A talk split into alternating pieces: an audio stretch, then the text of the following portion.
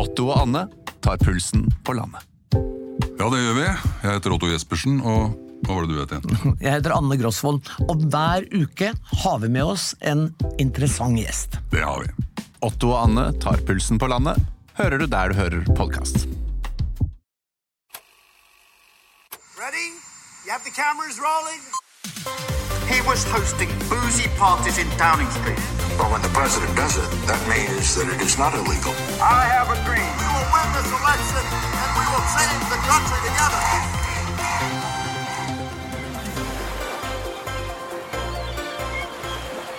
Velkommen. Velkommen.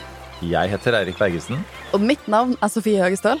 og dette er vårt uh, nokså uhøytidelige, veldig personlige forsøk på å gå bak ukas mange nyheter, lete etter eh, noen sammenhenger, prøve å si noe om framtiden, på jakt etter det store bildet, sånn som vi ser det. Og dette er rett og slett vår aller første sommerspesialepisode 2022 edition. Velkommen. Eh, Velkommen til det. Og altså, NRK hadde jo hatt en eh, lang prosess med å rekruttere sin nye politiske kommentator. Vi fulgte den veldig nøye, og idet de bestemte seg for hvem det skulle bli, så snappet vi opp henne som vår første sommergjest. Og da er det ingen hemmelighet at eh, hun som sitter med oss nå, det er Tone Sofie Aglen. Velkommen. Tusen takk. Um, det hadde du ikke regna med, at når du fikk den jobben, så hørte det med også å være her og prate. Nei, det var litt av et uh, frynsegode. Eh, og du er jo en du er fersk arvtaker etter Magnus Takoam, Takvam, var inntil nylig VG-kommentator. Og så er du et sånn lite mellomspill der. Du er rett og slett på ferie. og så vi, Før du fikk all verdens forpliktelser i NRK, da, så tenkte vi at vi måtte benytte anledningen i det politiske vakuumet som oppsto. Det, det er både et uh, politisk vakuum nå, og så er det jo også et litt sånn tidsvakuum. Så Ja, for du har lang ferie i år. ja, det er jo fordelen, om jeg kan kalle det det, med å bytte jobb, er jo at du har litt sånn ferie du skal ta ut og sånn, så jeg har jo allerede hatt litt ferie, og til sammen så blir faktisk det åtte uker ferie på meg i sommer, og det, det er lenge siden sist. Det er jo, det høres jo nesten ut som sånn fri, frisommer, friår. Som barn, altså når man tar sånn frisemester i utlandet, så er det nesten voksenekvivalent å ha to måneder. Sabbatical. Sabbatical å ha to måneder for seg selv. Ja, jeg er liksom bekymra for om jeg kommer til å være fullstendig arbeidsudyktig når, på andre siden av sommeren. Ja, for nå begynner du i NRK. Jeg begynner eh, 15. august, og Mm. for alle politiske nerder, jeg tipper at det er noen av de blant eh, eh, lytterne her, så er ikke det en tilfeldig dato. Det er jo da Arendalsuka starter, Ja! så det er jo litt av en dato å starte på. men altså, du går åtte uker eh, nærmest uten å gjøre noe, i hvert fall uten å jobbe med, med politikk aktivt, eh, som forløp til å overtale Norges viktigste politiske kommentatorjobb. Det er nesten liksom som Ingebrigtsen-brødrene ikke trente gjennom hele sommeren og stilte i VM, liksom. Eh, ja, eh, det- kan jo føles litt sånn Jeg tilhører kanskje litt dessverre den typen som ikke akkurat eh, kobler av. Så mm, første gjør om morgenen, er på med radioen, lese x antall aviser, og det kommer jeg nok til å gjøre denne sommeren. og Så vi får håpe at jeg henger med. Og øh, vi må også avsløre litt at øh, en av baktankene med å ha deg med her, da, er at øhm, selv om øh, Sofie, du sitter av og på Av og på. På jeg er Stortinget. På Stortinget. det norske. Stortinget, ringevikar, ja. Mhm. Eh, og, og selv om jeg er med å lage et uh, TV-program som heter Norske tilstander på TV 2, så har vi jo ikke minst denne podden fokusert veldig mye på utlandet. Vi har prøvd å vinkle det på Norge i utlandet, men det har blitt mye utlandet i utlandet. Eh, men så, så vi tenkte vi som skulle liksom sånn der norsk sånn skippertak-mentalitet, da. Invitere deg her for å spørre deg mer eller mindre hva i all verden er det som har skjedd i Norge i løpet av de månedene som vi har spilt inn. Så det det vi skal gjøre i dag, det er at vi skal oppsummere halvåret i norsk politikk. Og da jeg driver og øver meg på sånne NRK-fraser eh, som de sier i Dagsrevyen og sånn, og da sier de sånn Og nå skal vi hjem igjen. det er bra. Dette kommer til å bli veldig bra altså, til høsten. Og det er det, vi, det er det vi skal. Men før vi gjør det, eh, så har vi det lille bildet. Og da Mm. er ikke meningen at Norge er det lille bildet. Det er litt mer sånn det hverdagslige. Um, og jeg tenkte jeg kunne begynne her, fordi altså jeg eh, satt i helga i TV 2 og kommenterte blant annet i avisrunden. Og da endte jeg på med å kommentere, for det var de aktuelle sakene, eh, Trump og Sian.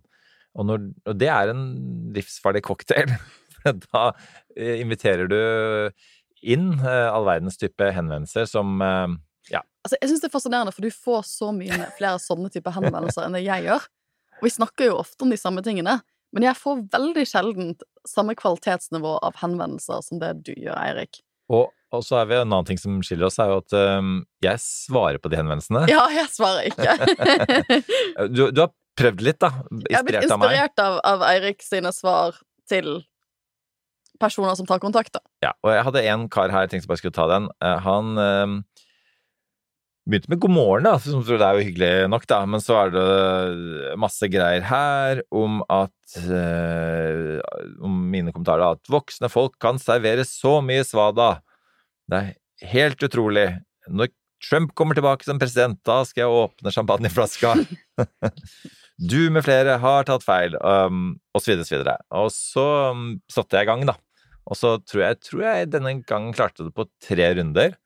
Og på den tredje og siste runden så endte det opp med dette svaret. Nå, nå viser jeg dere, og seerne ser ikke dette, men dette, det dere ser her, da, er en, et asjett med torsketunger. Mm. Og min venn svarer helt til slutt her da at Men nå skal jeg spise torsketunger, så kan nå verden gå sin gang. God søndag, Eirik! Men det er jo egentlig litt sånn min dårlige samvittighet. Når jeg begynte i media, så tenkte jeg at nå skal jeg være veldig flink å svare ordentlig på alle mm. henvendelser og sånn. Tenkte liksom sånn arrogant journalist vil jeg ikke være.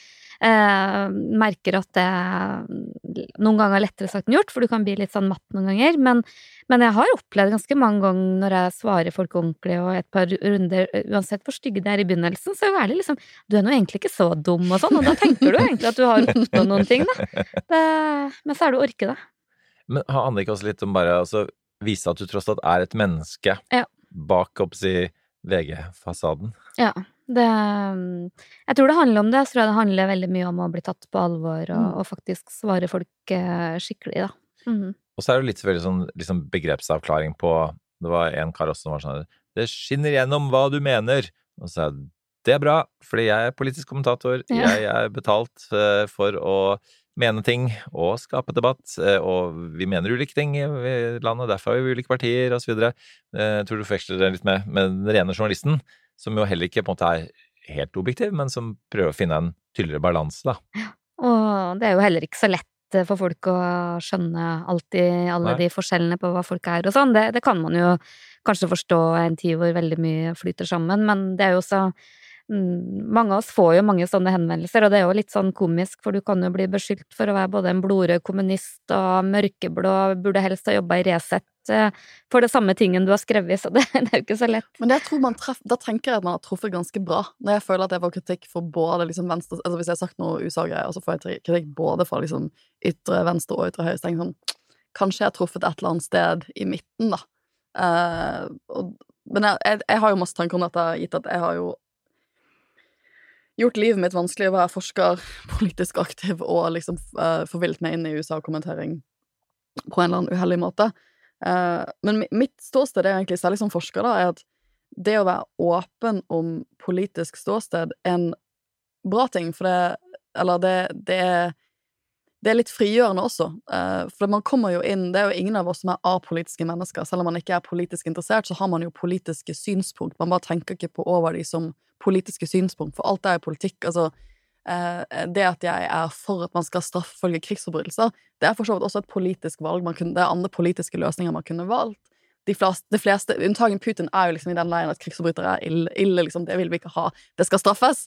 Men det er også politikk, for så vidt. Vi bare tenker ikke på det som et politisk valg.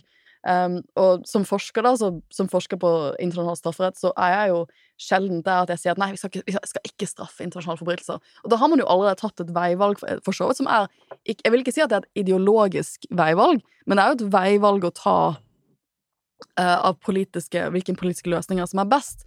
Og det å være åpen om ståsted, da, for det, det at man er, har et politisk parti eller et politisk ståsted, betyr ikke nødvendigvis at man er partisk. For det er min store greie. Det gjør deg ikke nødvendigvis partisk. Du må jo fortsatt evne å se nyansene, se forskjellene, um, kunne se begge sider av en sak. Så jeg føler jo, for dette er jo mye, dette er en sånn stor diskusjon innenfor akademia, selvfølgelig. Sånn, burde akademikere være politisk aktive? Burde de ikke være det? Burde de i så fall være åpent og politisk ståsted?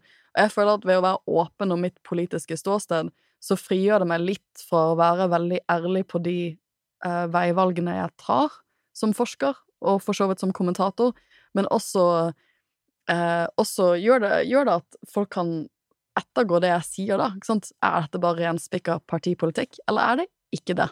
Ja, fordi Tone Sofie, nå som du skal inn i NRK, så um, kan man jo nevne at eh, Fredrik Solvang, som jo er din eh, nye kollega, han skrev en sak om, om pride, Mm. hvor han skrev at, eh, at Redaktørforeningen hadde bedt folk tenke igjennom, i hvert fall, eh, om de skulle gå i pride pga. de politiske sidene, og så hadde han ikke planlagt å gå i pride, og så angret han det på senere fordi han mente at um, ja, at, at det, det, er en selvfølgelig menneskelig, humanistisk ting å gjøre, og på en måte ikke skal forveksles med en eller annen slags sånn partiskhet, da. Hva, hva, tenker, hva tenker, du om det, hvor, hvor, står du på vei inn i NRK? Nei, akkurat den uh, pride-diskusjonen har jeg ikke tenkt så veldig mye på. Men, uh, for den endra seg jo også veldig etter de forferdelige uh, skytingene. Mm. Så, så, mener jeg på en måte at man må kunne skille en politisk debatt om fri og det, og det, de står for, og, og, og menneskeverdsituasjonen. Men jeg mener som journalist og for så vidt også kommentator, så mener jeg at man ikke skal være aktivist, uansett liksom hvor god sak man mener det er. Og jeg tror liksom ikke på den der objektiviteten liksom, som man snakker sånn om og, og sånn, men det, jeg tror er utrolig viktig i de rollene våre, så er nettopp det å klare å å se saken fra flest mulig steder, være interessert i å forstå istedenfor å um, fordømme eller sette merkelapp på ulike synspunkt. Eh, og jeg, jeg, går jo inn i en rolle nå som um, jeg er helt sikker på at jeg kommer til å få masse sånn der 'Å, Magnus Takvam var mye flinkere enn deg til å være obby'. Så, så, sånn er det jo litt sånn. Eh, og du kommer til å bli målt på en, eh, en helt annen måte. Men så tenker jeg liksom og, og, og, at du blir liksom Alle tenker at du alltid gjør riktig, det kommer ikke neppe til å skje, men så er det liksom i det lange løpet at folk opplever at du er balansert og ute etter å opplyse saken mer enn å, enn å karakterisere, da. Er det noe du tenker mer på når du skal inn i denne NRK-rollen fra versus VG-rollen? Den, altså den objektive Eller den rå, Altså, du Opplever du at NRK den må være mer sånn jeg vet ikke, balansert, eller er det en annen rolle enn VG? Eller blir det samme Tone Sofie, egentlig, det jeg spør? Mellom VG og NRK-rollen? Ja, jeg håper jo at jeg kan uh, være mest mulig meg sjøl uh, i form. Og så er det jo en grunn til at jeg søkte den jobben og hadde lyst på den. Det er jo fordi jeg jeg syns den analytiske delen av meningsjournalistikk er mm. mer spennende. Det har jeg egentlig kjent på over år. At liksom For veldig ofte hva mener du om ditt og datt? Jeg er egentlig ikke så veldig opptatt av veldig mye jeg ikke mener så veldig mye om heller, men jeg er veldig interessert i hvorfor mener de som de gjør, hvorfor blir saken som den blir, eh, eh, hvordan funker ulike politiske budskap.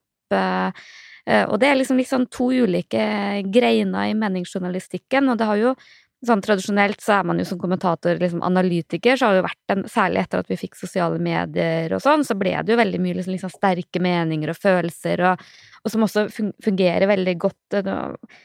Nå, nå, virker det på meg som det er litt sånn annerledes igjen, men det var en del år når jeg kom inn i Adresseavisa første gang for åtte år siden, sånn, så var det veldig mye sånn snakk om sånn Eh, å gå viralt. Og det var jo gjerne hvis du appellerte til følelser eller tok veldig tydelig standpunkt. Og, og det er egentlig noe som jeg syns er veldig sånn kjipt med jobben i dag, at hvis jeg skriver en kommentar som er kritisk om Arbeiderpartiet, så er jo egentlig den til Arbeiderpartiet. Det er liksom, liksom prøve å peke på noen svakheter, eller Så er det liksom, liksom, Det er de som burde på en måte ha interesse av både å diskutere den, er det feil, treffer du noen punkt, men, men da blir det liksom stille som graven. De kan sende deg meldinger og sånn spot on, eller sånn helt sånn under radaren. Gjør de det?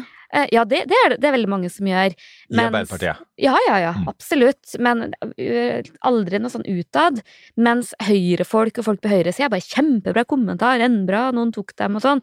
Mens omvendt, hvis du skriver noe kritisk om Høyre, da, eller høyresida, så, så får du Ja, det blir ja. veldig stille der. Mens uh, så får du liksom folk på venstresida av Arbeiderpartiet som bare 'kjempebra kommentar, endelig noe sånt'. Og det er egentlig, egentlig veldig sånn eh, lite tilfredsstillende, for det er jo ikke det du er ute etter. Du er ute etter å få en intern debatt, og Mm. eh, der er jo noen partier som skiller seg litt ut, da, og partiet Venstre er jo litt sånn herlig der, for der kan du skrive en ganske kritisk kommentar, og så får du liksom en kjempebra kommentar, og så får liksom debatten i gang, da. Og så Frp kan være litt sånn, for de er liksom ikke vant til å få så mye sånn De er vant til å få så mye kritikk at de liksom har liksom et litt sånn annet nivå på hva de aksepterer. Den personen som sendte deg den spot on i Arbeiderparti-kritikken, eh, sluttet etternavnet hans på Iske? Var det en kjent figur fra trøndelagspolitikken? Du, bud nummer én for, uh, som politisk kommentator er å aldri avsløre sine kilder, så det Men det er interessant når du sier det, for jeg tenker sånn Det jeg syns er trangest med Altså, jeg, jeg tror jeg triver Jeg er blitt forsker, det er det som er karrieren min. Jeg kommer aldri til å være karrierepolitiker. Jeg har jo litt uventet blitt førstevara på Stortinget fordi at Venstre gjorde et uventet godt valg i Oslo, som vi ikke lå an til å gjøre på noen måter på disse tider i fjor. På disse tider i fjor så tror jeg vi lå på sånn 2,7 på NRK sine meningsmålinger. Jeg, er litt sånn, jeg tror på meningsmålinger. Jeg tror også på, Særlig når NRK kommer med supermeningsmålinger, hvor de har sånn et kjempestort tallgrunnlag, så er det ikke sånn at liksom vi ligger 2-3 over det. Det gjør vi rett og slett ikke. sant? Jeg tenker sånn, det er de tallene de tallene legger vi til grunn. Så liksom, på disse tider i fjor sommer så lå jeg an til å bli tredje, andre vare, eller ja, tredje vare. da lå vi bare an til å få én person inn på Stortinget. Og så får vi plutselig, plutselig tre stykker, og så blir jeg førstevare. Planen min var jo å bli en veldig anonym andrevare som ikke skulle møte. Uh, og og det, kanskje det jeg syns er trangest med politikerrollen, for jeg har aldri prøvd meg ordentlig i politikerrollen før siste året, da, og også veldig uventet, det er denne at du skal være At du skal liksom være så så partikanin, eller det er forventet av rollen at du skal ikke kunne uh, være nyansert om egen politikk, eller sånn Ja, dette er liksom ja, ja, Venstre har denne løsningen her, og jeg tror liksom det er sikkert den beste løsningen. Man kunne også gjort sånn, altså, man, skal, liksom, man skal bare sånn, dette er den beste løsningen. Venstre har den soleklare løsningen på denne store samfunnsproblemet som ingen har løst ennå, men vi! Vi har skjønt det, vi har denne ene løsningen. Du, du, du skal liksom, du skal ikke, du skal være veldig, veldig, du skal være sånn veldig salgsperson på det, og så skal du liksom miste evnen til å nyansert kritisere eget parti. Det gjør ikke så mange. Venstre skiller seg kanskje litt ut av det. Men det, det, det, det er veldig fremmed for meg, da, å ikke kunne si det, det når, jeg, liksom, når jeg møter andre som er politisk aktive um, Jeg husker jeg møtte en del folk i Arbeiderpartiet sånn høsten 2017, så var jeg sånn Shit, hvordan går det? Valgnederlaget liksom, Jeg håper det går bra. Liksom, det må være tøft ikke sant, å stå så mye på stand, og så man tror man skal inn i regjeringskontoret, og så blir det ikke det. Og da var det en del folk som var sånn Nei, det er kjempegod stemning internt. Har aldri vært bedre. Så var det litt sånn Å ja, det, liksom, det er ikke mitt inntrykk. Og så viser det seg at det var virkelig ikke det var virkelig ikke god stemning internt. da. Men det å da skulle liksom utad prøve å fremheve en sånn samlethet som ikke er, det hadde også vært veldig fremmed for meg. da. Det er en av de tingene jeg tenker sånn, så gjør det lite attraktivt for meg å tenke at jeg skulle bli ordentlig politiker. For jeg vet ikke hvor flink jeg hadde vært i en sånn type rolle. Men eh, da leder det inn på det, Tone Sofie, at du, i motsetning til Sofie, som rir alle disse hestene samtidig, dårlig har, har, har stykket opp din karriere i den forstand at du hadde en periode som politiker som du avsluttet før du ble eh, politisk kommentator. Ja, for nå, nå beveger vi oss ut av det store lillebildet. lille bildet. Inn, Ja, det tror jeg vi har gjort for lengst, for lenge siden. egentlig. Ja, beklager. Det, det, jeg hadde ikke, ikke noe interessant å melde på det lille bildet denne uken. Um, for det, du Ta oss gjennom karrieren din. Hvordan ender du opp i en, straks skal få dette nøkkelkortet inn i Marienlyst? Hvor, hvor ut, for utgangspunktet her er jo lokalpolitikken for SV. Ja, jeg har jo vært på, medlem med både SV og Senterpartiet. Jeg var jo medlem med SV da jeg var veldig ung, og så bytta jeg faktisk parti, i motsetning til de fleste som skifter fra, arbeid, fra SV til Arbeiderpartiet, så gikk jeg fra SV til Senterpartiet, og da må Hvor du vel gammel er du da? Eh, ja, hvor gammel var jeg da? Jeg var vel i 20-årene, tipper jeg. Eh, begynner jo å bli eh, mange år siden, men jeg, jeg kom jo veldig tidlig inn i kommunestyret, hjemkommunen min, og hadde liksom vært aktiv eh, og starta opp I SV. eh, ja, Sosialistisk Ungdom, da, som Mm. vi starta opp. SU. og er jo oppflaska eh, Besteforeldrene mine på morssida var De var gamle NKP-er og, og skikkelig røde, så jeg er jo liksom oppflaska med at USA var et forferdelig land og alt det der. Mens besteforeldrene mine på farssida, da, de var jo fiskebønder fra Namdalen og sånn, så to veldig sånn forskjellige kulturer, men jeg har alltid vært liksom veldig politisk interessert eh, fra jeg var liten, og jeg tror nok at eh, det at jeg havna i politikken, eh, var nok fordi jeg var så interessert i politikk, og det, det er nok litt sånn derfor Jeg har jo faktisk vært folkevalgt en del år, både i fylkespolitikken og kommunepolitikken, men jeg for merka jo SV. ja, og, og Senterpartiet. Ja. Og jeg merka jo mer og mer, og det var egentlig derfor jeg ga meg, jo, at jeg, jeg var jo egentlig ikke politiker. Passa ikke til å være politiker på noe som helst vis. Jeg tror om jeg hadde vært medlem av alle partier i Om ikke Norge, i verden, så hadde jeg liksom aldri funnet meg til rette. Og det er liksom Politikerrollen var, var, ikke, var ikke meg. Jeg hadde allerede da en mye mer analytisk tilnærming til uh, politikk. Var mer interessert i hvorfor, hvorfor gjør de sånn, hvorfor gjør de sånn, og eh, men det var liksom ikke alternativet da, og så fordi jeg havna så fort inn i politikken, så hadde jeg jo egentlig lyst til å bli journalist. eh, eh, men av flere grunner så ble det ikke det, fordi de ikke hadde det i Trondheim. Eh, så liksom jeg liksom forsvant liksom ut fra den retningen, da. Men, For du begynner å studere statsvitenskap Ja. på NTNU. Ja. Så det var liksom den retningen jeg tok, og Men jeg, jeg skjønte jo ganske fort at Eller ikke ganske fort, for jeg var jo Det tok jo noen år, men at det var ikke politikere jeg egna meg som, og slutta jo med politikk og var jo ute av det noen år før plutselig drømmejobben dukka opp, da. Kom, vikar som kommentator på, i Adresseavisen. Hva gjør du mellom politikken og drømmejobben i Adresseavisa? Eh, jeg jobba noen Jeg var jo heltidspolitiker eh, i fire år i Trondheim. Det er utrolig lærerikt eh, å gjøre det. Men så, når jeg slutta, så begynte jeg faktisk eh, først å jobbe som rådmann i Lofoten. Uh, og så flytta jeg ganske fort tilbake til Trondheim av litt mer sånn familiære årsaker. Og, og da jobba jeg som uh, kommunikasjonssjef i et uh, statlig selskap, da, så jeg har vært i den den utskjelte kommunikasjonsbransjen òg, men i, i statsforvaltningen, da, så det er vel kanskje ikke så ille, da. Og så Mm. lyser Adresseavisa ut Ja. et vikariat, Mm. og du bare yes. Ja, da tenkte jeg at dette er liksom eh, eh, den store muligheten min, fordi jeg hadde jo vært mye sånn gjesteskribent i flere av eh, avis, både i Adresseavisa, Trønderavisa, Namdalsavisa. Jeg vurderte jo når jeg studerte statsvitenskap å gå videre i valgforskning, men jeg var liksom ikke tålmodig nok til forsker, det var ikke Så du kunne blitt Nei. valgforsker i en, Ja. en parallell univers, så kunne du Og det var jo valgforskning jeg, jeg drev med, og hadde Anders Ståhl Jensen på Ja. NTNU som veileder, og skrev masteroppgave om regjeringsslitasje, og, og var egentlig Men jeg, hadde liksom ikke Det er ikke den tålmodigheten. Jeg, ville, jeg var mye mer fornøyd med å skrive en artikkel enn et veldig langt løp, da. Når jeg kom til Adresseavisa da, så hadde jo jeg vært ute av politikken noen år, og jeg var jo bare lokalpolitiker, men likevel så var det ganske mange som var liksom skeptiske til meg og slippe inn noen i som ikke var journalistutdanna, som hadde vært politiker. Det var en del som var litt sånn Men nå, da, så ser jeg jo at som kommentator så er det jo ganske mange som eh, kommer nærmest rett fra politikken. Mm. Du har Snorre Valen i mm. Trønderdebatt, som kom fra SV. Torbjørn Røe Isaksen, som ble, var min eh, kollega en kort stund, kom rett fra fra Høyre, statsråd til E24, Emil André Erstad til Vårt Mm. Land, KrF-rådgiver, og så nå Sondre Hansmark, som kom fra Unge Venstre-leder til eh, til Dagbladet. Tredje vare til Stortinget Ja, ja, for ja, absolutt. Og jeg Mm. vet jo sjøl, jeg, jeg får jo veldig sjelden sånn basert på ting jeg skriver, at Men det hender seg at noen har googla navnet mitt og bare aha, det forklarer, hun er jo bla, bla, bla. Så, men jeg tror at de som har hatt en politisk bakgrunn, er veldig bevisst på det. Mm. Veldig opptatt av å Kanskje tror jeg også at man overkompenserer nok heller litt, tror jeg, da.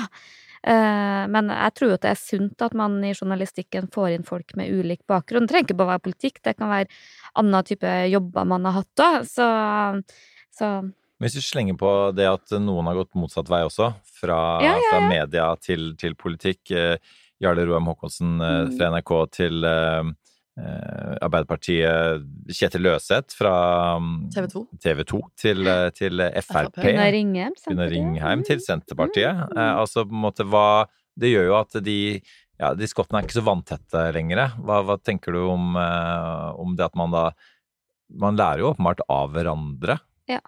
Nei, jeg jeg er ikke noe redd for det. Jeg ser noen lager stort problem ut av hvor har du lojaliteten og, og sånn. Selvfølgelig er det jo noe med at du kan bli vel eh, tett, men jeg, jeg tror det der handler om eh, hvem du er. Så tror jeg veldig at du, du, du tar med deg erfaring, du lærer. Mm. så, jeg, så, så tror jeg liksom at jeg har gjort mye rart i livet mitt. Eh, det er ofte liksom de litt mer sånn prestisjefylte tingene som får oppmerksomhet. Mm. Jeg jobba for eksempel eh, to år på fiskfabrikk. eh, eh, som ung før jeg begynte å studere, er det liksom det jeg lærte om arbeidslivet da. Det er liksom Mhm. noe jeg også ha med deg, da. Så jeg, jeg har liksom veldig tro på det å kunne gjøre forskjellige ting, og ikke bare gjøre én ting eh, hele livet, da. Sjøl om det selvfølgelig er noen som vil stille spørsmål ved motivasjon og sånne ting, men det Og, og hva, hvordan var det redaksjonelle spranget fra Selv om Adressa i sin tid var litt opptatt av virale ting, de også, Ja til eh, VG som var veldig opptatt av virale ting. Ja, Jeg er litt sånn usikker på om det stemmer. Jeg opplever nok at eh, regionaviser og sånn er vel så opptatt av eh, av å være spiss og sånn som det VG er. Sånn, VG har jo et litt sånn derre Mange bruker nesten VG i dag fortsatt som en sånn skjellsord på sånn veldig tabloid og sånn. Det er veldig urettferdig, for VG har jo utvikla seg enormt og er, er jo ikke det. Jeg opplevde også at uh, når jeg fikk jobben i VG, så var det litt fordi de ønska noen som skulle skrive om hele landet og, og sånn. Utfordringa Det som kanskje er den største forskjellen, tenker jeg, da, på å jobbe i en abonnementsavis, hvor folk fortsatt leser veldig mye e-avis og papiravis og, og sånn, og jobbe i en, um, en uh, hvor nettet er det aller viktigste, er jo at du har ikke så veldig mange sjanser på nett. Du må, den inngangen din må være ganske Den må være Den må spiss. Den må, den må både sitte og treffe nyhetsbildet. Eh, Så jeg kan jo noen ganger være litt misunnelig på Klassekampen, for eksempel, som kun leses papir. Da, da kan du på en måte brette deg ut om eh, uten å liksom tenke så spisst på inngang. Og det er jo, det er jo noen ganger jeg liksom har hatt litt sånn øh, klump i magen, og liksom er dette for spisst, og gir det et rett bilde, og og jeg håper de, liksom, de leser hele, at ikke bare For, for det, det er liksom utfordringa, ikke bare til VG, men til alle i en sånn digital Man sier at nettet er stort, og det er plass til veldig mye, men det er egentlig ikke det. Det er egentlig veldig lite og, og, som du får plass til, og sånn var det lettere å bla seg gjennom en papiravis i gamle dager, for du fikk med deg det utroligste eh, når du bladde igjennom. Ja, Tone Sofie, nå har vi hørt en del bakgrunnen din, og hadde dette vært et jobbintervju, så hadde vi sagt at gratulerer, du har fått jobben. Vi, vi avslutter rundene nå.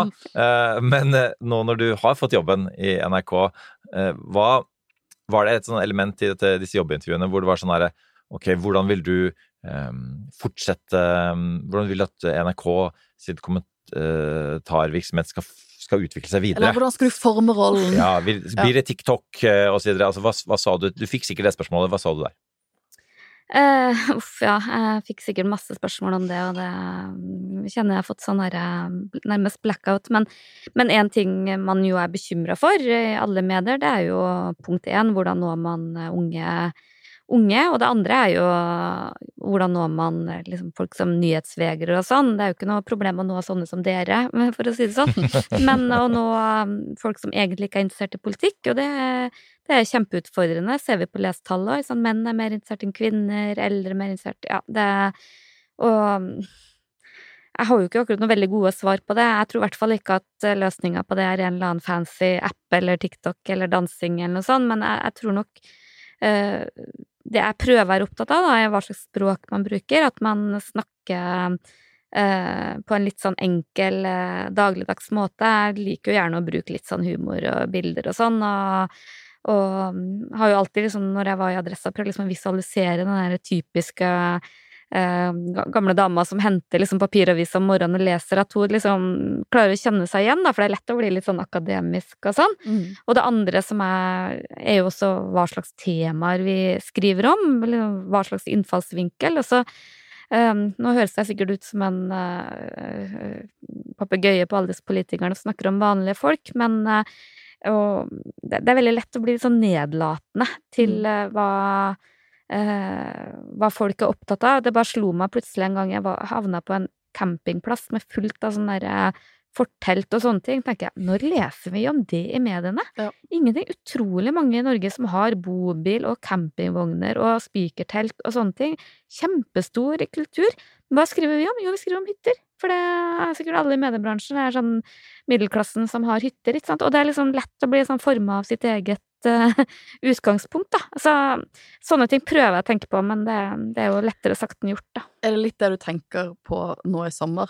Liksom Hvordan du skal gå inn i den rollen og forme den? Er det litt det som kverner bak i hodet ditt? Ja, jeg er, jo, jeg er jo litt sånn redd for å havne litt sånn eh, den eh, løpestreng mellom Stortinget og Marienlyst og uh, hagefester i Oslo. Ikke at jeg, jeg er absolutt ikke imot det, overhodet ikke, men liksom det å klare å, å mm, speile godt nok hva folk er opptatt av. Og så en, en annen ting jeg er veldig opptatt av, uten at jeg nødvendigvis er flink nok på det, det, det å liksom klare å behandle alle politikerne også med respekt. eh, eh, forstå de ut fra sitt eh, Veldig mange for eksempel veldig kritisk Sylvi Listhaug, for, forsøpling av politikken og sånn mye. Sånn, jeg mener at hun spiller en veldig viktig funksjon i norsk politikk. Hun gir stemme til mange som kanskje ikke har så høy tillit til politikerne. Uh, klarer og det, og det som er veldig lett, merker jeg, da, at når en politiker er i Bølgedal Nå er det jo Vedum som liksom i mange år har løpt etter og genierklært og og sånn. Nå sliter han tungt, veldig lett å liksom begynne å latterliggjøre og, og, sånn. Hvordan vi liksom klarer å skrive om politikk, om de her store strømningene, uten å, uten å bli litt sånn nedlatende, eller ja, mm. Jonas Gahr Støre en sånn typisk representant som uh, er veldig lett å liksom skrive liksom morsomheter på bekostning av, da, og liksom mm. folk som ligger nede, det er liksom ikke Ja, det var liksom Ropstad gutterommet, òg, det er liksom sånn når du kom på liksom vits nummer 1000 om gutterommet, liksom det, er, det, er, ikke så gøy, da. Du må finne andre måter å, å snakke om det på. Ja, for det, det, kan jo si at En av de tingene jeg reflekterer mye over, og det er liksom også i min jobb, for så vidt, det er sånn Jeg bodde jo mange år i utlandet. Jeg bodde jo sammenhengende nesten, med unntak av ett år i Bergen, i utlandet fra jeg var 18 til 27. Da jeg kom hjem til Norge, hvor lite Oslo-boblen er.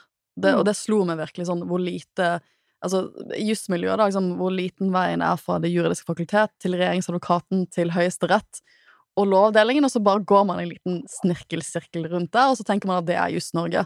Og det er veldig lite og snevert. Og det er litt det samme med hvor lite, på godt og vondt, da, hvor lite det politiske Norge er, hvor mange møteplasser det er, hvor lett det er å være en sånn Oslo-boble rundt liksom alle disse møtene. Man er på Civita-fest, og så er man på en Agenda-fest, og så, liksom, og er, og så er man liksom på en eller annen sånn sånn frokostmøte i en tenk, liksom, i sånn, for Nupi om et eller annet, så møter de de samme folkene, og så er man på et partikontor, og det, og det blir Det er veldig det er, det er, lite, og det er veldig lett. Det, det er for så vidt en styrke at jeg tror at for folk ut Vi har snakket om dette før på poden.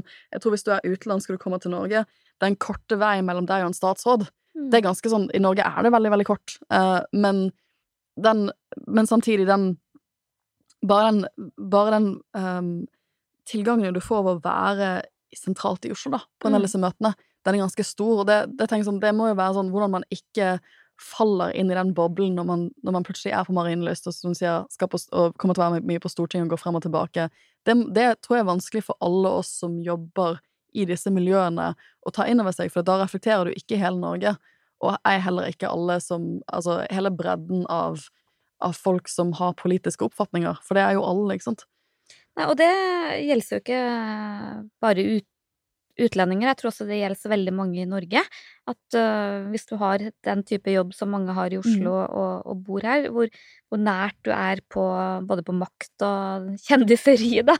Uh, for, for, veldig mange så er det jo ikke sånn. Uh, og jeg husker også når jeg var i Adresseavisa som vikar, og første gang jeg var på Stortinget og liksom så Jonas gikk forbi stortingsrestauranten. Jeg var jo helt starstruck. ikke sant? Det bare Jøss, er det sånn han ser ut? Sånn, folk er jo ikke vant til det, og det er veldig lett å ta for gitt Eh, at, eh, at, det er så kort vei, da. Mm. Men um, du har snakket, Tone Sofie, om dette med altså norske mann i hus, hytte og telt, uh, som jo har blitt uh, Som kanskje faller inn i samlebetegnelsen vanlige folk. Og det var jo det Si hva du vil om det begrepet, men det, det var jo det regjeringen gikk til valg på. Mm. Um, Eh, og så har jo Om det var derfor de ble valgt eller ikke, det er vanskelig å si, men, men nå har de på en måte mistet både vanlige folk og andre folk. Eh, og nå eh, sliter de på, på meningsmålingene. Eh, og hvis vi skal på en måte bevege oss litt inn i, i politikken her, hva, hva tenker du eh, Hvorfor går det dårlig med regjeringen nå om dagen?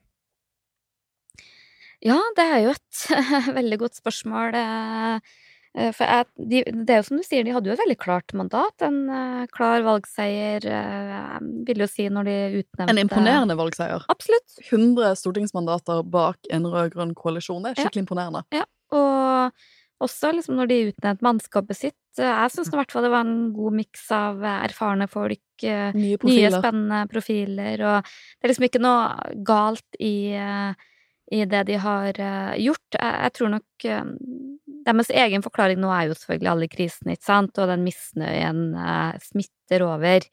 Så, men så vet vi jo også at kriser gir jo også muligheter. Det å utnytte en krise, aldri la en krise gå til spill, er det ikke det de sier? Eh, det syns jeg ikke de har vært eh, spesielt eh, heldige med. Jeg tror nok at eh, strømpriskrisa i i høst var nok et, et godt eksempel på det. Eh, Jeg tror jo løsningen i dag er, for de aller fleste, bortsett fra kanskje små og mellomstore bedrifter og sånn, er god. Eh, Så tok det så lang tid at det, at det tok tid å få på plass et system, kan man skjønne, men jeg tror ikke de klarte å berolige folk om eh, Slapp av, staten hjelper dere, liksom, dette ordner vi. Det, det, liksom, det begynte liksom litt med sånn litt bostøtte og litt, altså, litt eh, øke sosialhjelp, og så ble det ja, nei, vi tar så og så mye, og så ble det nærmest sånn tombola i Stortinget hvor det ble høyere og høyere eh, støttebeløp. eh, Og i tillegg så tror jeg heller ikke at de lyktes med å forklare hvorfor. Så, og hadde en helt fersk olje- og energiminister som ikke kunne fagfeltet, og det, det, det Sånn er det jo, ikke sant. Eh, mange som ikke kan det, men å bli kasta inn i en sånn krise og ikke så stø på det, gjorde det ikke bedre. Så jeg tror det fikk veldig festa seg som en litt sånn derre regjering som ikke hadde liksom kontroll og sklei, da. Og litt det samme fikk du også med pandemien, som jeg tror eh, det er en helt annen situasjon å, å håndtere korona eh, to år etter, for da folk var ikke redd lenger, og det var ikke sånn alle i samme båt og sånn, men også der tror jeg inntrykket var liksom at det var liksom det kom for seint, det var for lite, det ble plutselig for strengt, ja, alt ble på en måte galt, da. Så jeg tror liksom det bildet som har fått festa seg, at det er en regjering som er litt for sein på banen, som eh, eh, ikke så god på kommunikasjon, det, det virker som de ikke er godt nok koordinert, de har jo vært ute av makt i åtte år, og kanskje ikke vært helt dyktige nok heller til å liksom få et eh, lag med som er eh, du, du så det på en del av de personalsakene de fikk, hadde Tajik-saken, stortingspresidenten Eh, det, det, det, Og så tror jeg kanskje det er sikkert veldig urettferdig, for de har sikkert gjort sitt beste i alle sakene, men det bildet har festa seg veldig. Eh, og så tror jeg Ukraina fikk du også litt det samme, ikke sant. Eh, og så tror jeg i tillegg eh, en del av de sakene de eh, kanskje følte at de vant valget på, sånn nå skal vi oppløse kommuner og eh, endre seg, reformene reversere og sånn. Det, treffer ikke lenger, eh, av, av mange grunner. Eh, eh, både for det første, som er, som er litt sånn min personlige teori, jeg tror at Senterpartiet og distriktsopprøret, det, det, det, funka, da. Altså, alle partier begynte å bli opptatt av distriktspolitikk. Ja, liksom, så før valget så hadde liksom Hadde du allerede fått en kursendring som gjorde at Ja, for de satte jo liksom ja. premiss for debatten, og, Ja, alle, ja, og nesten alle partiene ble med på det premisset. mm, mm. Og da har du jo, da har de jo Det er jo stort politisk seier i seg selv, men som du sier, når alle blir med på premisset, så er du ikke den eneste leverandøren av løsninger lenger, eller de som snakker om det, og da er det vanskeligere å levere Ja. på det når du først får regjeringsmakten, da. Altså, jeg likte, for jeg den siste kommentaren din, jeg mener du skrev et eller annet om det, at det å da faktisk oppløse kommuner, det er liksom det er jo det folk forventet, så du får ikke noe så mye politisk gevinst Nei. for først å oppløse Viken. Nei, jeg Ja. tror eh, dessverre, da, for, for, for regjeringa, så, så tror jeg at du får eh, Du får nesten bare sånn eh, dobbel negativ, Mm. for det er alle de som er kritiske, det er ganske mange, det òg. Som du kanskje ikke hørte før valget, syns bare det her er helt tull i hodet og sånn. Og så får du heller ikke noe sånn veldig takk for det, og det ser vi jo veldig mye. Jeg ser jo veldig, jeg er jo fra en liten plass sjøl, hvor det har vært veldig mye styr rundt kommunesammenslåing, skolenedleggelser, og det er jo støy rundt det, men når det liksom har fått virka og gått seg til, så er det jo ingen som vil gjenopprette den gamle eh, grendeskolen. Liksom, det skjer nesten ikke. Nei. Så det er et eller annet med at liksom, samfunnet har en tendens til å forandre seg på et eller annet vis, og så eh, vet jeg ikke om de helt har liksom, evna å henge etter på det, da.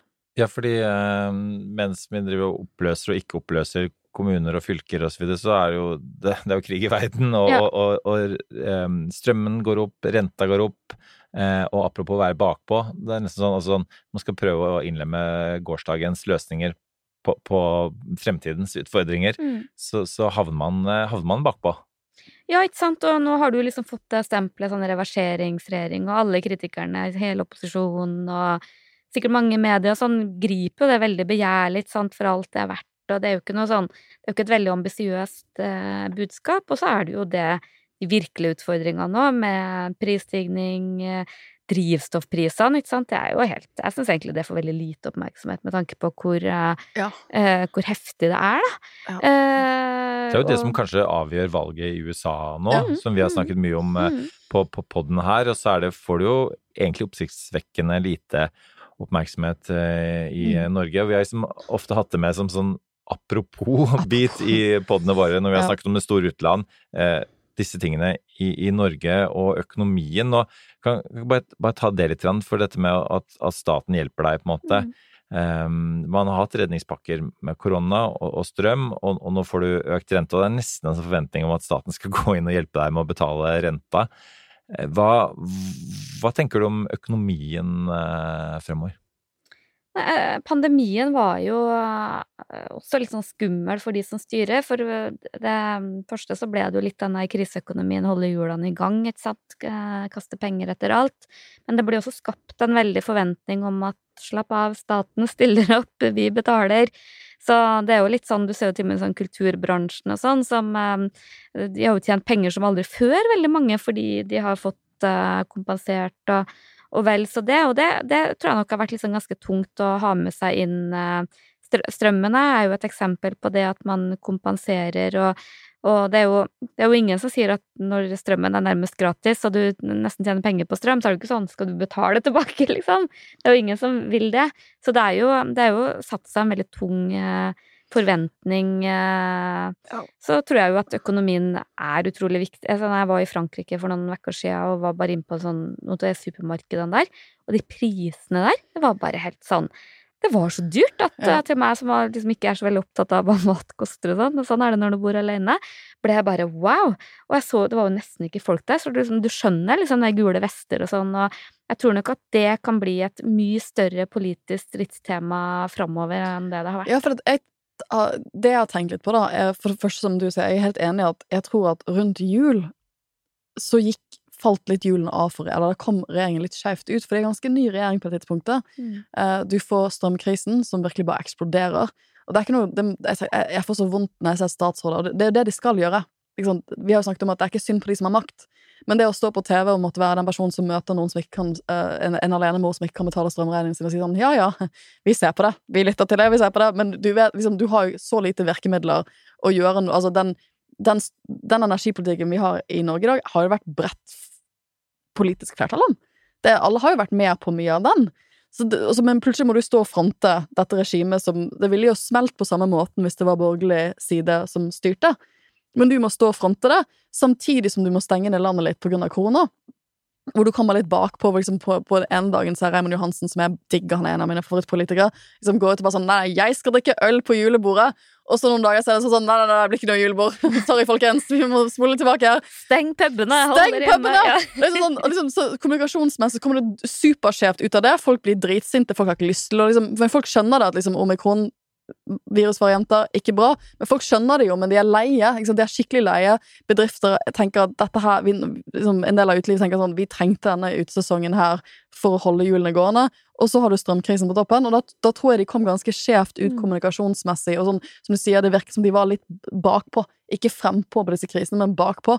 Og så har det vært vanskelig å innhente seg, og det de holder på å hente seg inn, så kommer Ukraina-krisen, og så blir det noe helt andre ting som skjer enn det man egentlig gikk til valg på. Jeg tenker sånn jeg tenker jo at deler av borgerlig side er nok lettet over at de ikke må stå og styre når egentlig det ærlige budskapet til folk nå er at ja, dere kommer til å ha dårligere råd.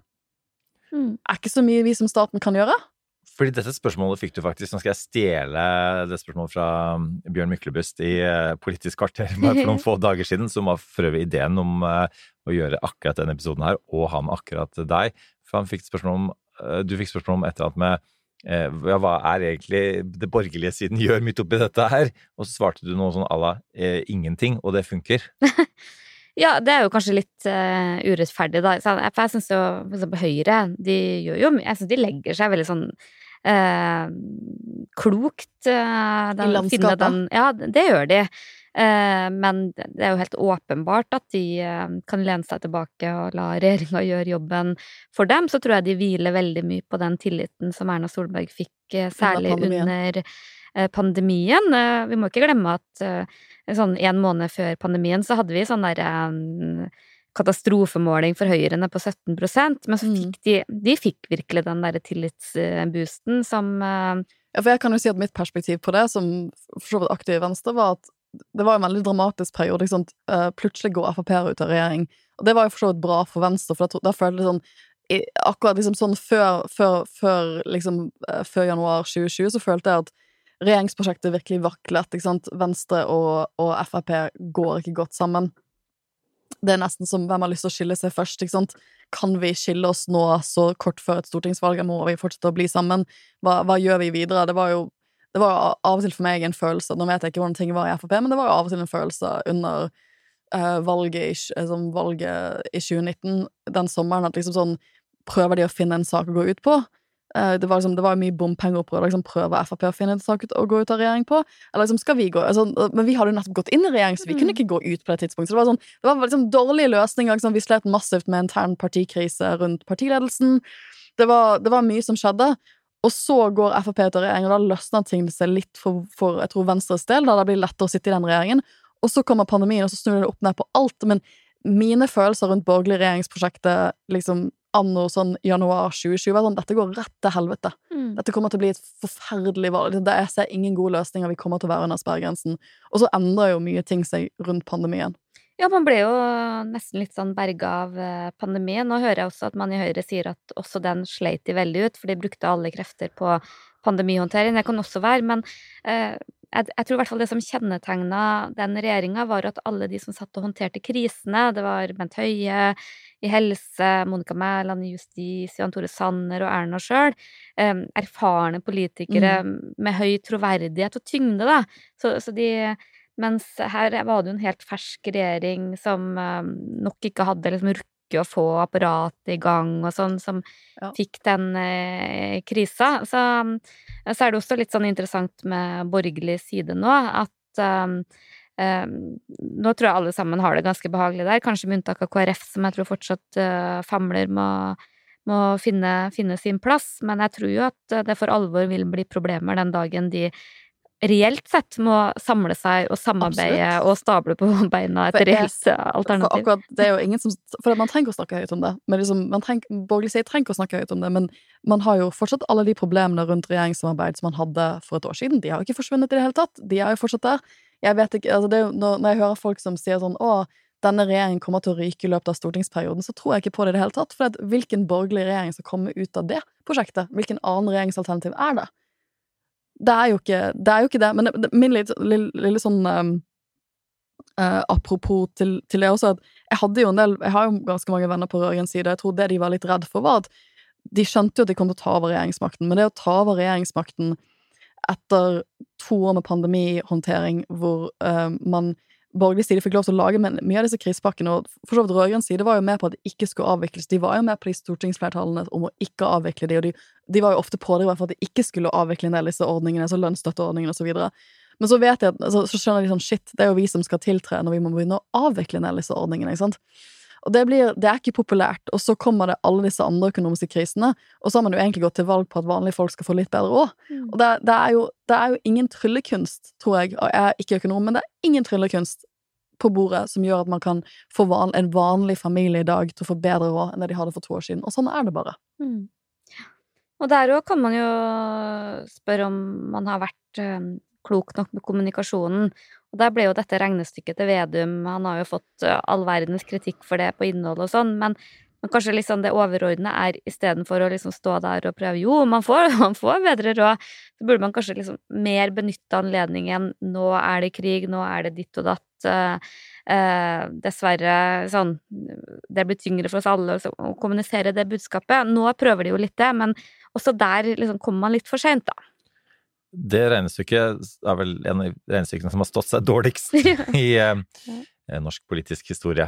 Eh, rett inn i krisen med, med et regnestykke om at nå er ting egentlig mye bedre enn dere tror.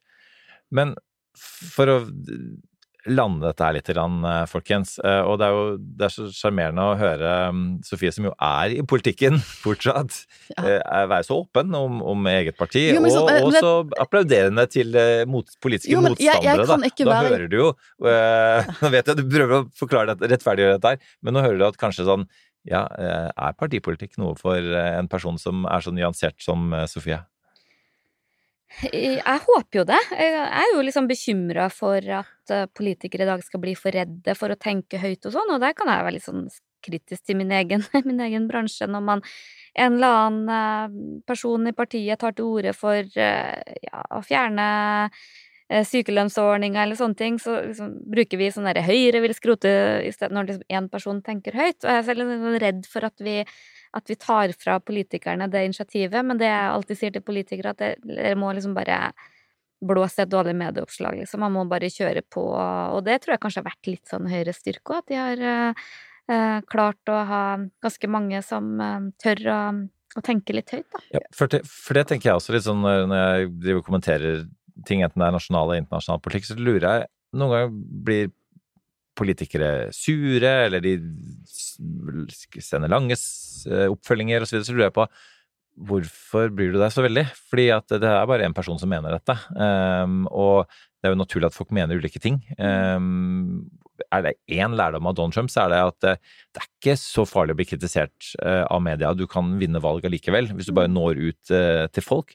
Og det, er bare, det, det lurer jeg alltid på. Hvorfor eh, politikere ikke noen gang bare hever seg litt mer over det tross alt eh, som er de personlige meningene til en politisk kommentator. Mm, ja. Eh, litt overraska over det sjøl, men det er jo også noen ganger en fordel med å ha vært politiker og eh, ligge søvnløs og grudd seg for hva som kommer på trykk, og være fortvila over og føle at du blir urettferdig behandlet. For det føler man jo alltid når du blir Mm. intervjua.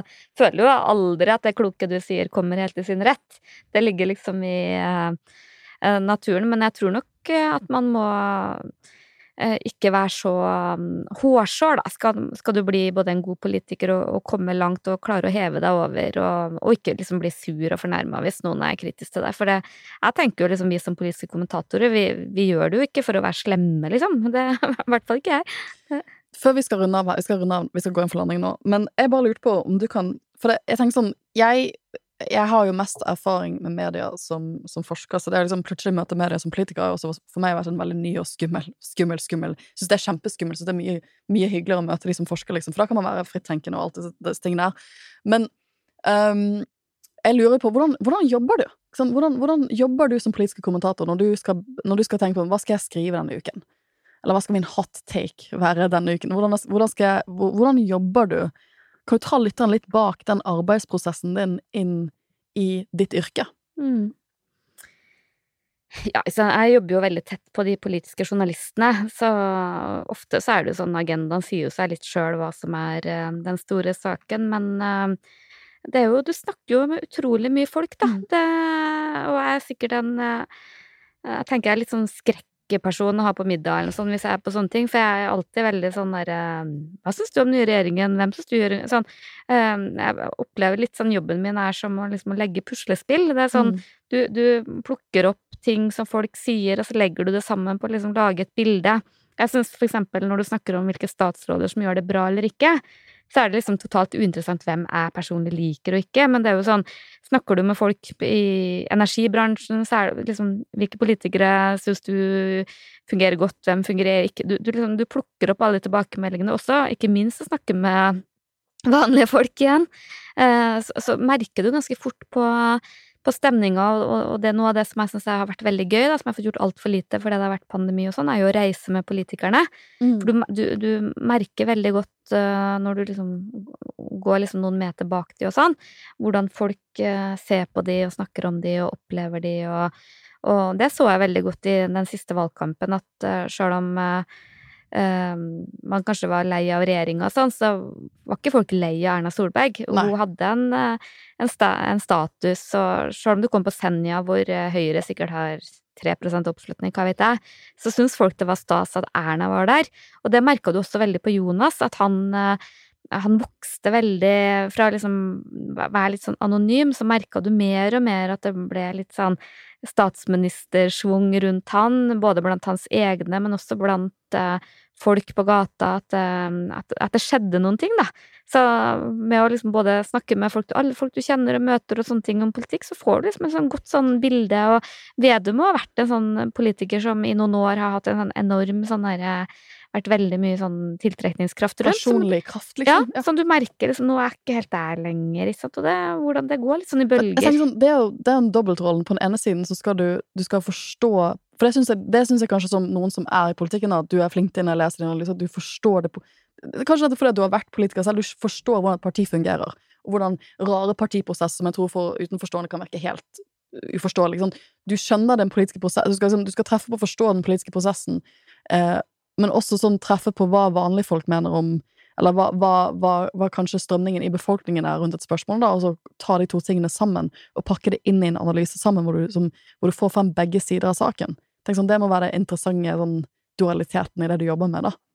Ja, det tenker jeg er liksom hovedoppgaven til en kommentator òg. Liksom ikke liksom eh, min egen vurdering av hva som er uh, riktig eller feil eller godt eller ondt, men å prøve å uh, forklare hvorfor folk ser annerledes på mm. ting, og, og, og, der må vi bare erkjenne at eh, mange av oss går jo et miljø som er kanskje mer liberalt, mer i en del spørsmål enn det veldig mange er og så ser jo Norge veldig forskjellig ut, da. Du har jo veldig ulike fylker, ikke sant. Eh, Oslo ser jo veldig forskjellig ut politisk enn eh, Nord-Norge, men så har du Møre og Romsdal, som er et sånn helt annerledes fylke igjen, hvor liksom disse her små radikale partiene liksom nesten ikke fins, mens det er liksom Frp og Høyre og Senterpartiet som liksom er liksom de store du, så, Og det å skjønne at ting ser veldig forskjellig ut, da, det tror jeg er viktig i jobben.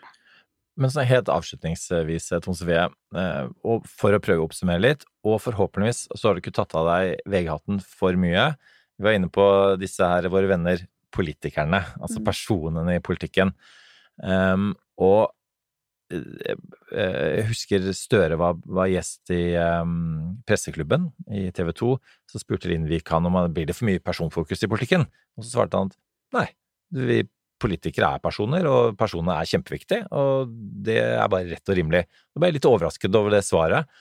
Um, hvis du skal være litt, uh, se litt på disse personene, da. Um, hvem tenker du har utmerket seg i regjeringen, og hvem har et stykke igjen å gå? Nå skal ikke jeg be deg kaste terninger, men hva, du skal plukke frem uh, noen som du har merket deg. Mm. Nei øh det er jo en litt sånn urettferdig øvelse, for det blir jo uh, veldig basert på det du ser, ikke sant. Skulle du virkelig gjort den jobben, skulle du jo vært inne i departementene og sånn, men det er jo en ganske tung jobb for de fleste å, å få den innsikten. Men eh, sånn, Hadia Tajik var jo liksom litt av denne stjerna i regjeringa. Så vil jeg si hun er erfaren, hadde et prosjekt, så vil jeg også si at hun også var litt heldig med at det var litt sånn lavthengende frukter hun fikk, for det er liksom mye lettere å endre arbeidsmiljøloven og gjøre ditt og datt enn å endre energipolitikken, ikke sant. Så sånn sett så er det jo litt sånn feige lag òg. Min er, i hvert fall det jeg hører, da, at det virker som Espen Barth Eide er eh, veldig sånn respektert i de kretsene han eh, skal være. Eh, personlig syns jeg Jonas langt på vei fyller rollen sin som statsminister eh, godt i, den ytre rollen, i hvert fall. Eh, jeg tror mange er liksom stolt av han, eh, så det er jeg mer usikker på, men det kan ikke jeg svare på. Men jeg ser veldig mange har eh, både meninger og teorier om, er liksom hvordan han fungerer som leder, og sånn internt i regjeringa, og det er også veldig interessant når du snakker med folk, får du veldig ulike vurderinger av det. Noen sier at det er helt krise, andre sier at det går kjempebra. Så det er litt sånn, og sånn er det jo også, når du snakker med folk om hvordan det går politisk, så er det, ikke et, det er jo ikke et fasitsvar. Det er jo, det er jo flere sannheter. Ja, ja. Særlig i Venstre. Liksom, ja. Flere sannheter. Liksom. Hvordan går det med partiet som vil få ti forskjellige svar? Snakk for deg ditt eget parti, eh, Sofie. det er det overalt. Så er det jo, vil jeg si, at to av de som har fått mye positiv oppmerksomhet, er jo Tonje Brenna og Jan Christian mm. Vestre, som har jeg tror begge de to, særlig Vestre, som er liksom veldig sånn retorisk og sånn, må jo levere også mer på innhold, da. Uh, så er det jo ganske mange av de ferske statsrådene som Du har ikke en agenda, og de har ikke sånn Samferdselsministeren tror jeg de færreste klarer å si noe veldig mye om. Så har jo selvfølgelig Vedum har jo fått veldig mye negativ oppmerksomhet med å ikke liksom fylle helt rollen og og sånn, så, jeg, så, er det jo en del sånn unge spennende i Senterpartiet. Sandra Borch, landbruksminister. Jeg har vært imponert over henne. Altså, det landbruksoppgjøret er jo mm. Hun fikk terningkast seks år i Dagbladet. Det er absolutt fortjent. Det er, sånn, det, er jo, det er, jo, ingen som hadde vært et bedre landbruksoppgjør enn det hun har gjort. Nei, og også fra Hun var jo en ganske sånn opprørsk senterungdomleder mm. og sånn, og det liksom vokste den rollen. Eh, så har du noen som er sånn anonyme utad, men som jeg vet er veldig respektert innad. Det er jo sånn som Bjørn Arild Gram, som mm. nå er forsvarsminister, var kommunalminister. Eh, Anniken Huitfeldt er jo en veldig sånn synlig, allestedværende utenriksminister, som jeg tipper det er veldig delte meninger om. Noen syns hun er strålende, andre syns at hun er veldig ulik sin forgjenger. Ja, så det er, men de, de fleste statsrådene vil jeg si at det er altfor tidlig å gi en ordentlig vurdering av om de om de gjør en eh, god jobb eller ikke. Emilie Enger Mehl, for eksempel, fått veldig mye oppmerksomhet på men kanskje lite på rollen sin, eh, trenger mer tid på å vokse inn i den og utvikle seg, så mm, det blir spennende å se.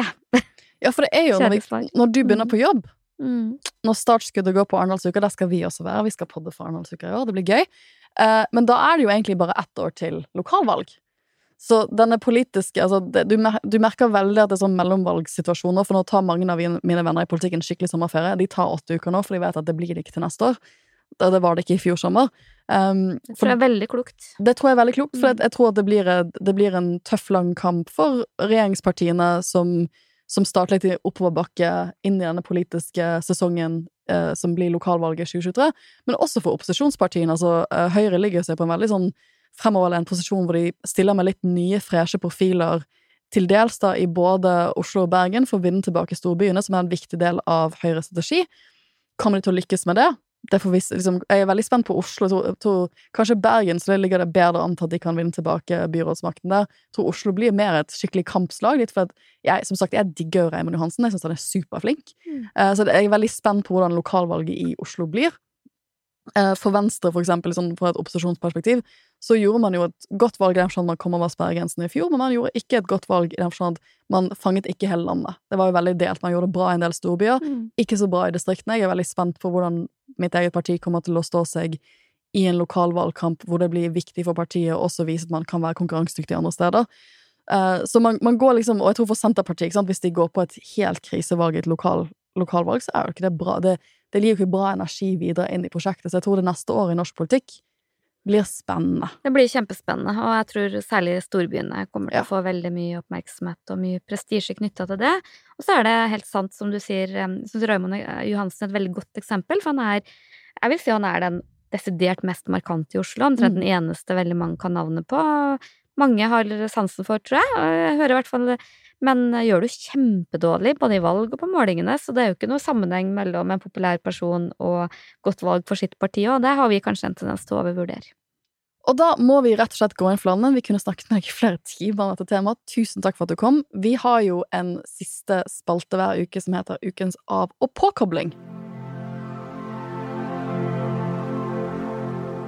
Og Tone Sofie, nå er jeg nysgjerrig. Du har åtte uker å fylle i sommer. Og har, du har allerede sagt at du, du skal forbli ganske påkoblet. Eh, men hva er det du skal gjøre for å holde deg påkoblet, og hva skal du forhåpentligvis også gjøre for å koble litt av? Ja, det, det minst kreative verden å si er jo at jeg skal legge bort den der eh, min forlengede kroppsdel, mobiltelefonen, og lese litt mer eh, bøker. Jeg har akkurat begynt på en eh, krim, og det er alltid bra å liksom begynne sommeren med litt sånn page-turner, for da, da kommer du i gang. Jeg tilhører nok mange av de som var veldig lesehest, men som eh, blir veldig fort distrahert. Men en sånn greie som, jeg, som for meg er litt sånn mindfulness, da, det er faktisk det å plukke bær. Det syns jeg er eh, veldig gøy. Og um, særlig det å plukke molt, da. Så jeg håper jeg får eh, gjort litt av det i sommer. Så du skal koble av å plukke molt. Ja, det er veldig mange som strikker eller gjør andre ting, men det er liksom å være ute i naturen, mm. leite etter et eller annet, det gjør jo at du går veldig mye mer, men det, det, det er liksom virkelig en Da er du liksom fokusert på den ene tingen og, og plukke bær, så det syns jeg faktisk er ganske gøy. Det vil ikke bli i Oslo. Det blir definitivt ikke i Oslo. Da må vi nok til Namdalen. Mm. Er eh, Molter en litt sånn her For jeg liker det, jeg også. Eh, en sånn analogi for måte, politisk journalistikk. For det er ikke, du sitter liksom ikke på knærne i en jordbæråker og bare gafler innpå. Du må liksom sånn leite, jakte, Ja, ja. ja. Kanskje ikke du finner det engang. Mm. Og så er det bak en knaus hvor kanskje andre ikke har lett. Er det noe Og det ut der? på de ytterste klipper, og, men nærmest med livet i behold. Ja, og mange ganger er det så mye dyr i klegg og alt som det dessverre er i, ute i naturen, at jeg føler at naturen spiser mer av meg enn jeg spiser av naturen. Men jeg, jeg syns det er gøy med andre typer bær òg, men akkurat den der jakten på emolta, det, det er noe eget, ja. Det var et veldig godt tips. Eh, Så skal jeg ha et uh, lite tips, og det er, det er også en, en, en avkobling. Og det er litt sånn, og det er jo ikke bare fordi at jeg eh, holder mye til i TV 2, men TV 2 som mistet eh, dessverre rettighetene til Premier League, jeg tipper dette her kommer de aldri til å gi fra seg, nemlig Tour de France, som er noe jeg ikke kan så veldig mye om, men syns er bare kjempegøy å se hvem av disse mennene på sykkel som kommer i mål først, og ikke minst da etter alle disse dagene med, med blodsvett. Jeg jeg skal ikke si jeg kastet bort, men jeg brukte uforholdsvis mye tid av min første pappaperm til å følge med på Tour de France. Jeg husker ikke nå lenger hvem som, eh, som vant eller ikke, men, men, for en produksjon med, med, med Christian Påske, god kollega, og, og nå eh, Mats Kagestad som har overtatt til Johan Kagestad. Eh, det er gøy bare å se på produksjonen, syns jeg. Eh, så det er min anbefaling. Min anbefaling er uh, noe helt annet uh, enn det dere har valgt, men det er det Det er liksom en av avkoblene mine i sommer. Det er at jeg bruker en treningsapp som heter Sweat, som jeg elsker. Jeg har brukt den i tre år. Den har liksom masse forskjellige sånne treningsprogrammer, og de gjør sånne challenges i ny Så nå har de sånn seks uker sommer-challenge, Dette er uka tre. Um, og altså, det det er liksom det det er, avkobling for meg. Eh, jeg føler at det har vært noen sånn stressende egentlig stressende år, eh, hvor jeg liksom vært litt utbrent og måtte hente meg inn. Og det å liksom da kunne trene, for meg er det egentlig bare en sånn mental helsetiltak. Det er en eneste måte. Jeg får stilnet hjernen. Jeg liksom, jeg, så jeg holder på jeg, jeg gjør meg six week sweat challenge. Det er min på- og avkobling på mange måter. Mens, som, som usaksdebatter, mens hvis jeg gjør hjemmetreningsversjoner For det, det liker med appen, jeg brukte den veldig mye under covid, for den har hjemmetreningsversjoner av alle programmene sine som er sånn vektløftingsprogrammer på en gym. Men da pleier jeg å ha CNN på i bakgrunnen, for jeg under covid kjøpte sånne manual, justerbare manualvekter. Så da har jeg liksom CNN på i bakgrunnen, så trener jeg. Da får jeg, sånn, da får jeg sånn skikkelig flashback til presidentvalget i 2020. Men vi lader jo opp til et mellomvalg nå, så det, det blir sommeren min. blir Six Weeks Sweat Challenge med mine justerbare manualvakter hjemme og CNN på i bakgrunnen. Og så har jeg et forslag eh, til Kanskje vi skulle gått sammen om det? Laget en sånn politisk app til politikere. Hvordan de skal forberede seg til, til debatter og sånn, som heter Sweat. Ja. Eller svette, altså hvordan du på en måte du havner i den der svette, febrilske, nervøse ja. ja. ja, men for å unngå kanskje å svette, da. Mm. Mindfulness-app for politikere. Nei, men vi kan, eh, vi kan, eh, tenke på den i sommer. Tar du ut lisens på det, Sofie? Du som absolutt. er businessdamen eh, her. Her, ja, absolutt. Med det, så takk for at du hørte på. Hør oss neste uke også. Nok en sommerspesial. Da har vi med oss Karen Anna Eggen. Da er du på ferie når vi spiller inn episode to her. Så da skal du slippe blir... å bli avbrutt av meg? altså, jeg er litt nervøs for å spille inn episode uten Jeg har aldri, jeg har aldri jeg har aldri vært eh, programleder alene for en podkast på den måten, så jeg er litt smånervøs. Jeg holder på, jeg skal liksom ringe henne for research-samtaler og liksom, skal liksom virkelig skal, skal, jobbe meg inn i dette. Uh, men dette var jo en helt fantastisk måte å starte vår sommerspesial 2022-edition på. Tusen takk, Tone Sofie, for at du kom. Jeg gleder meg sånn til å se deg på Arendalsuka, og ikke minst se deg ta den nye rollen i NRK. Tusen takk. That's enough. Put down the mic.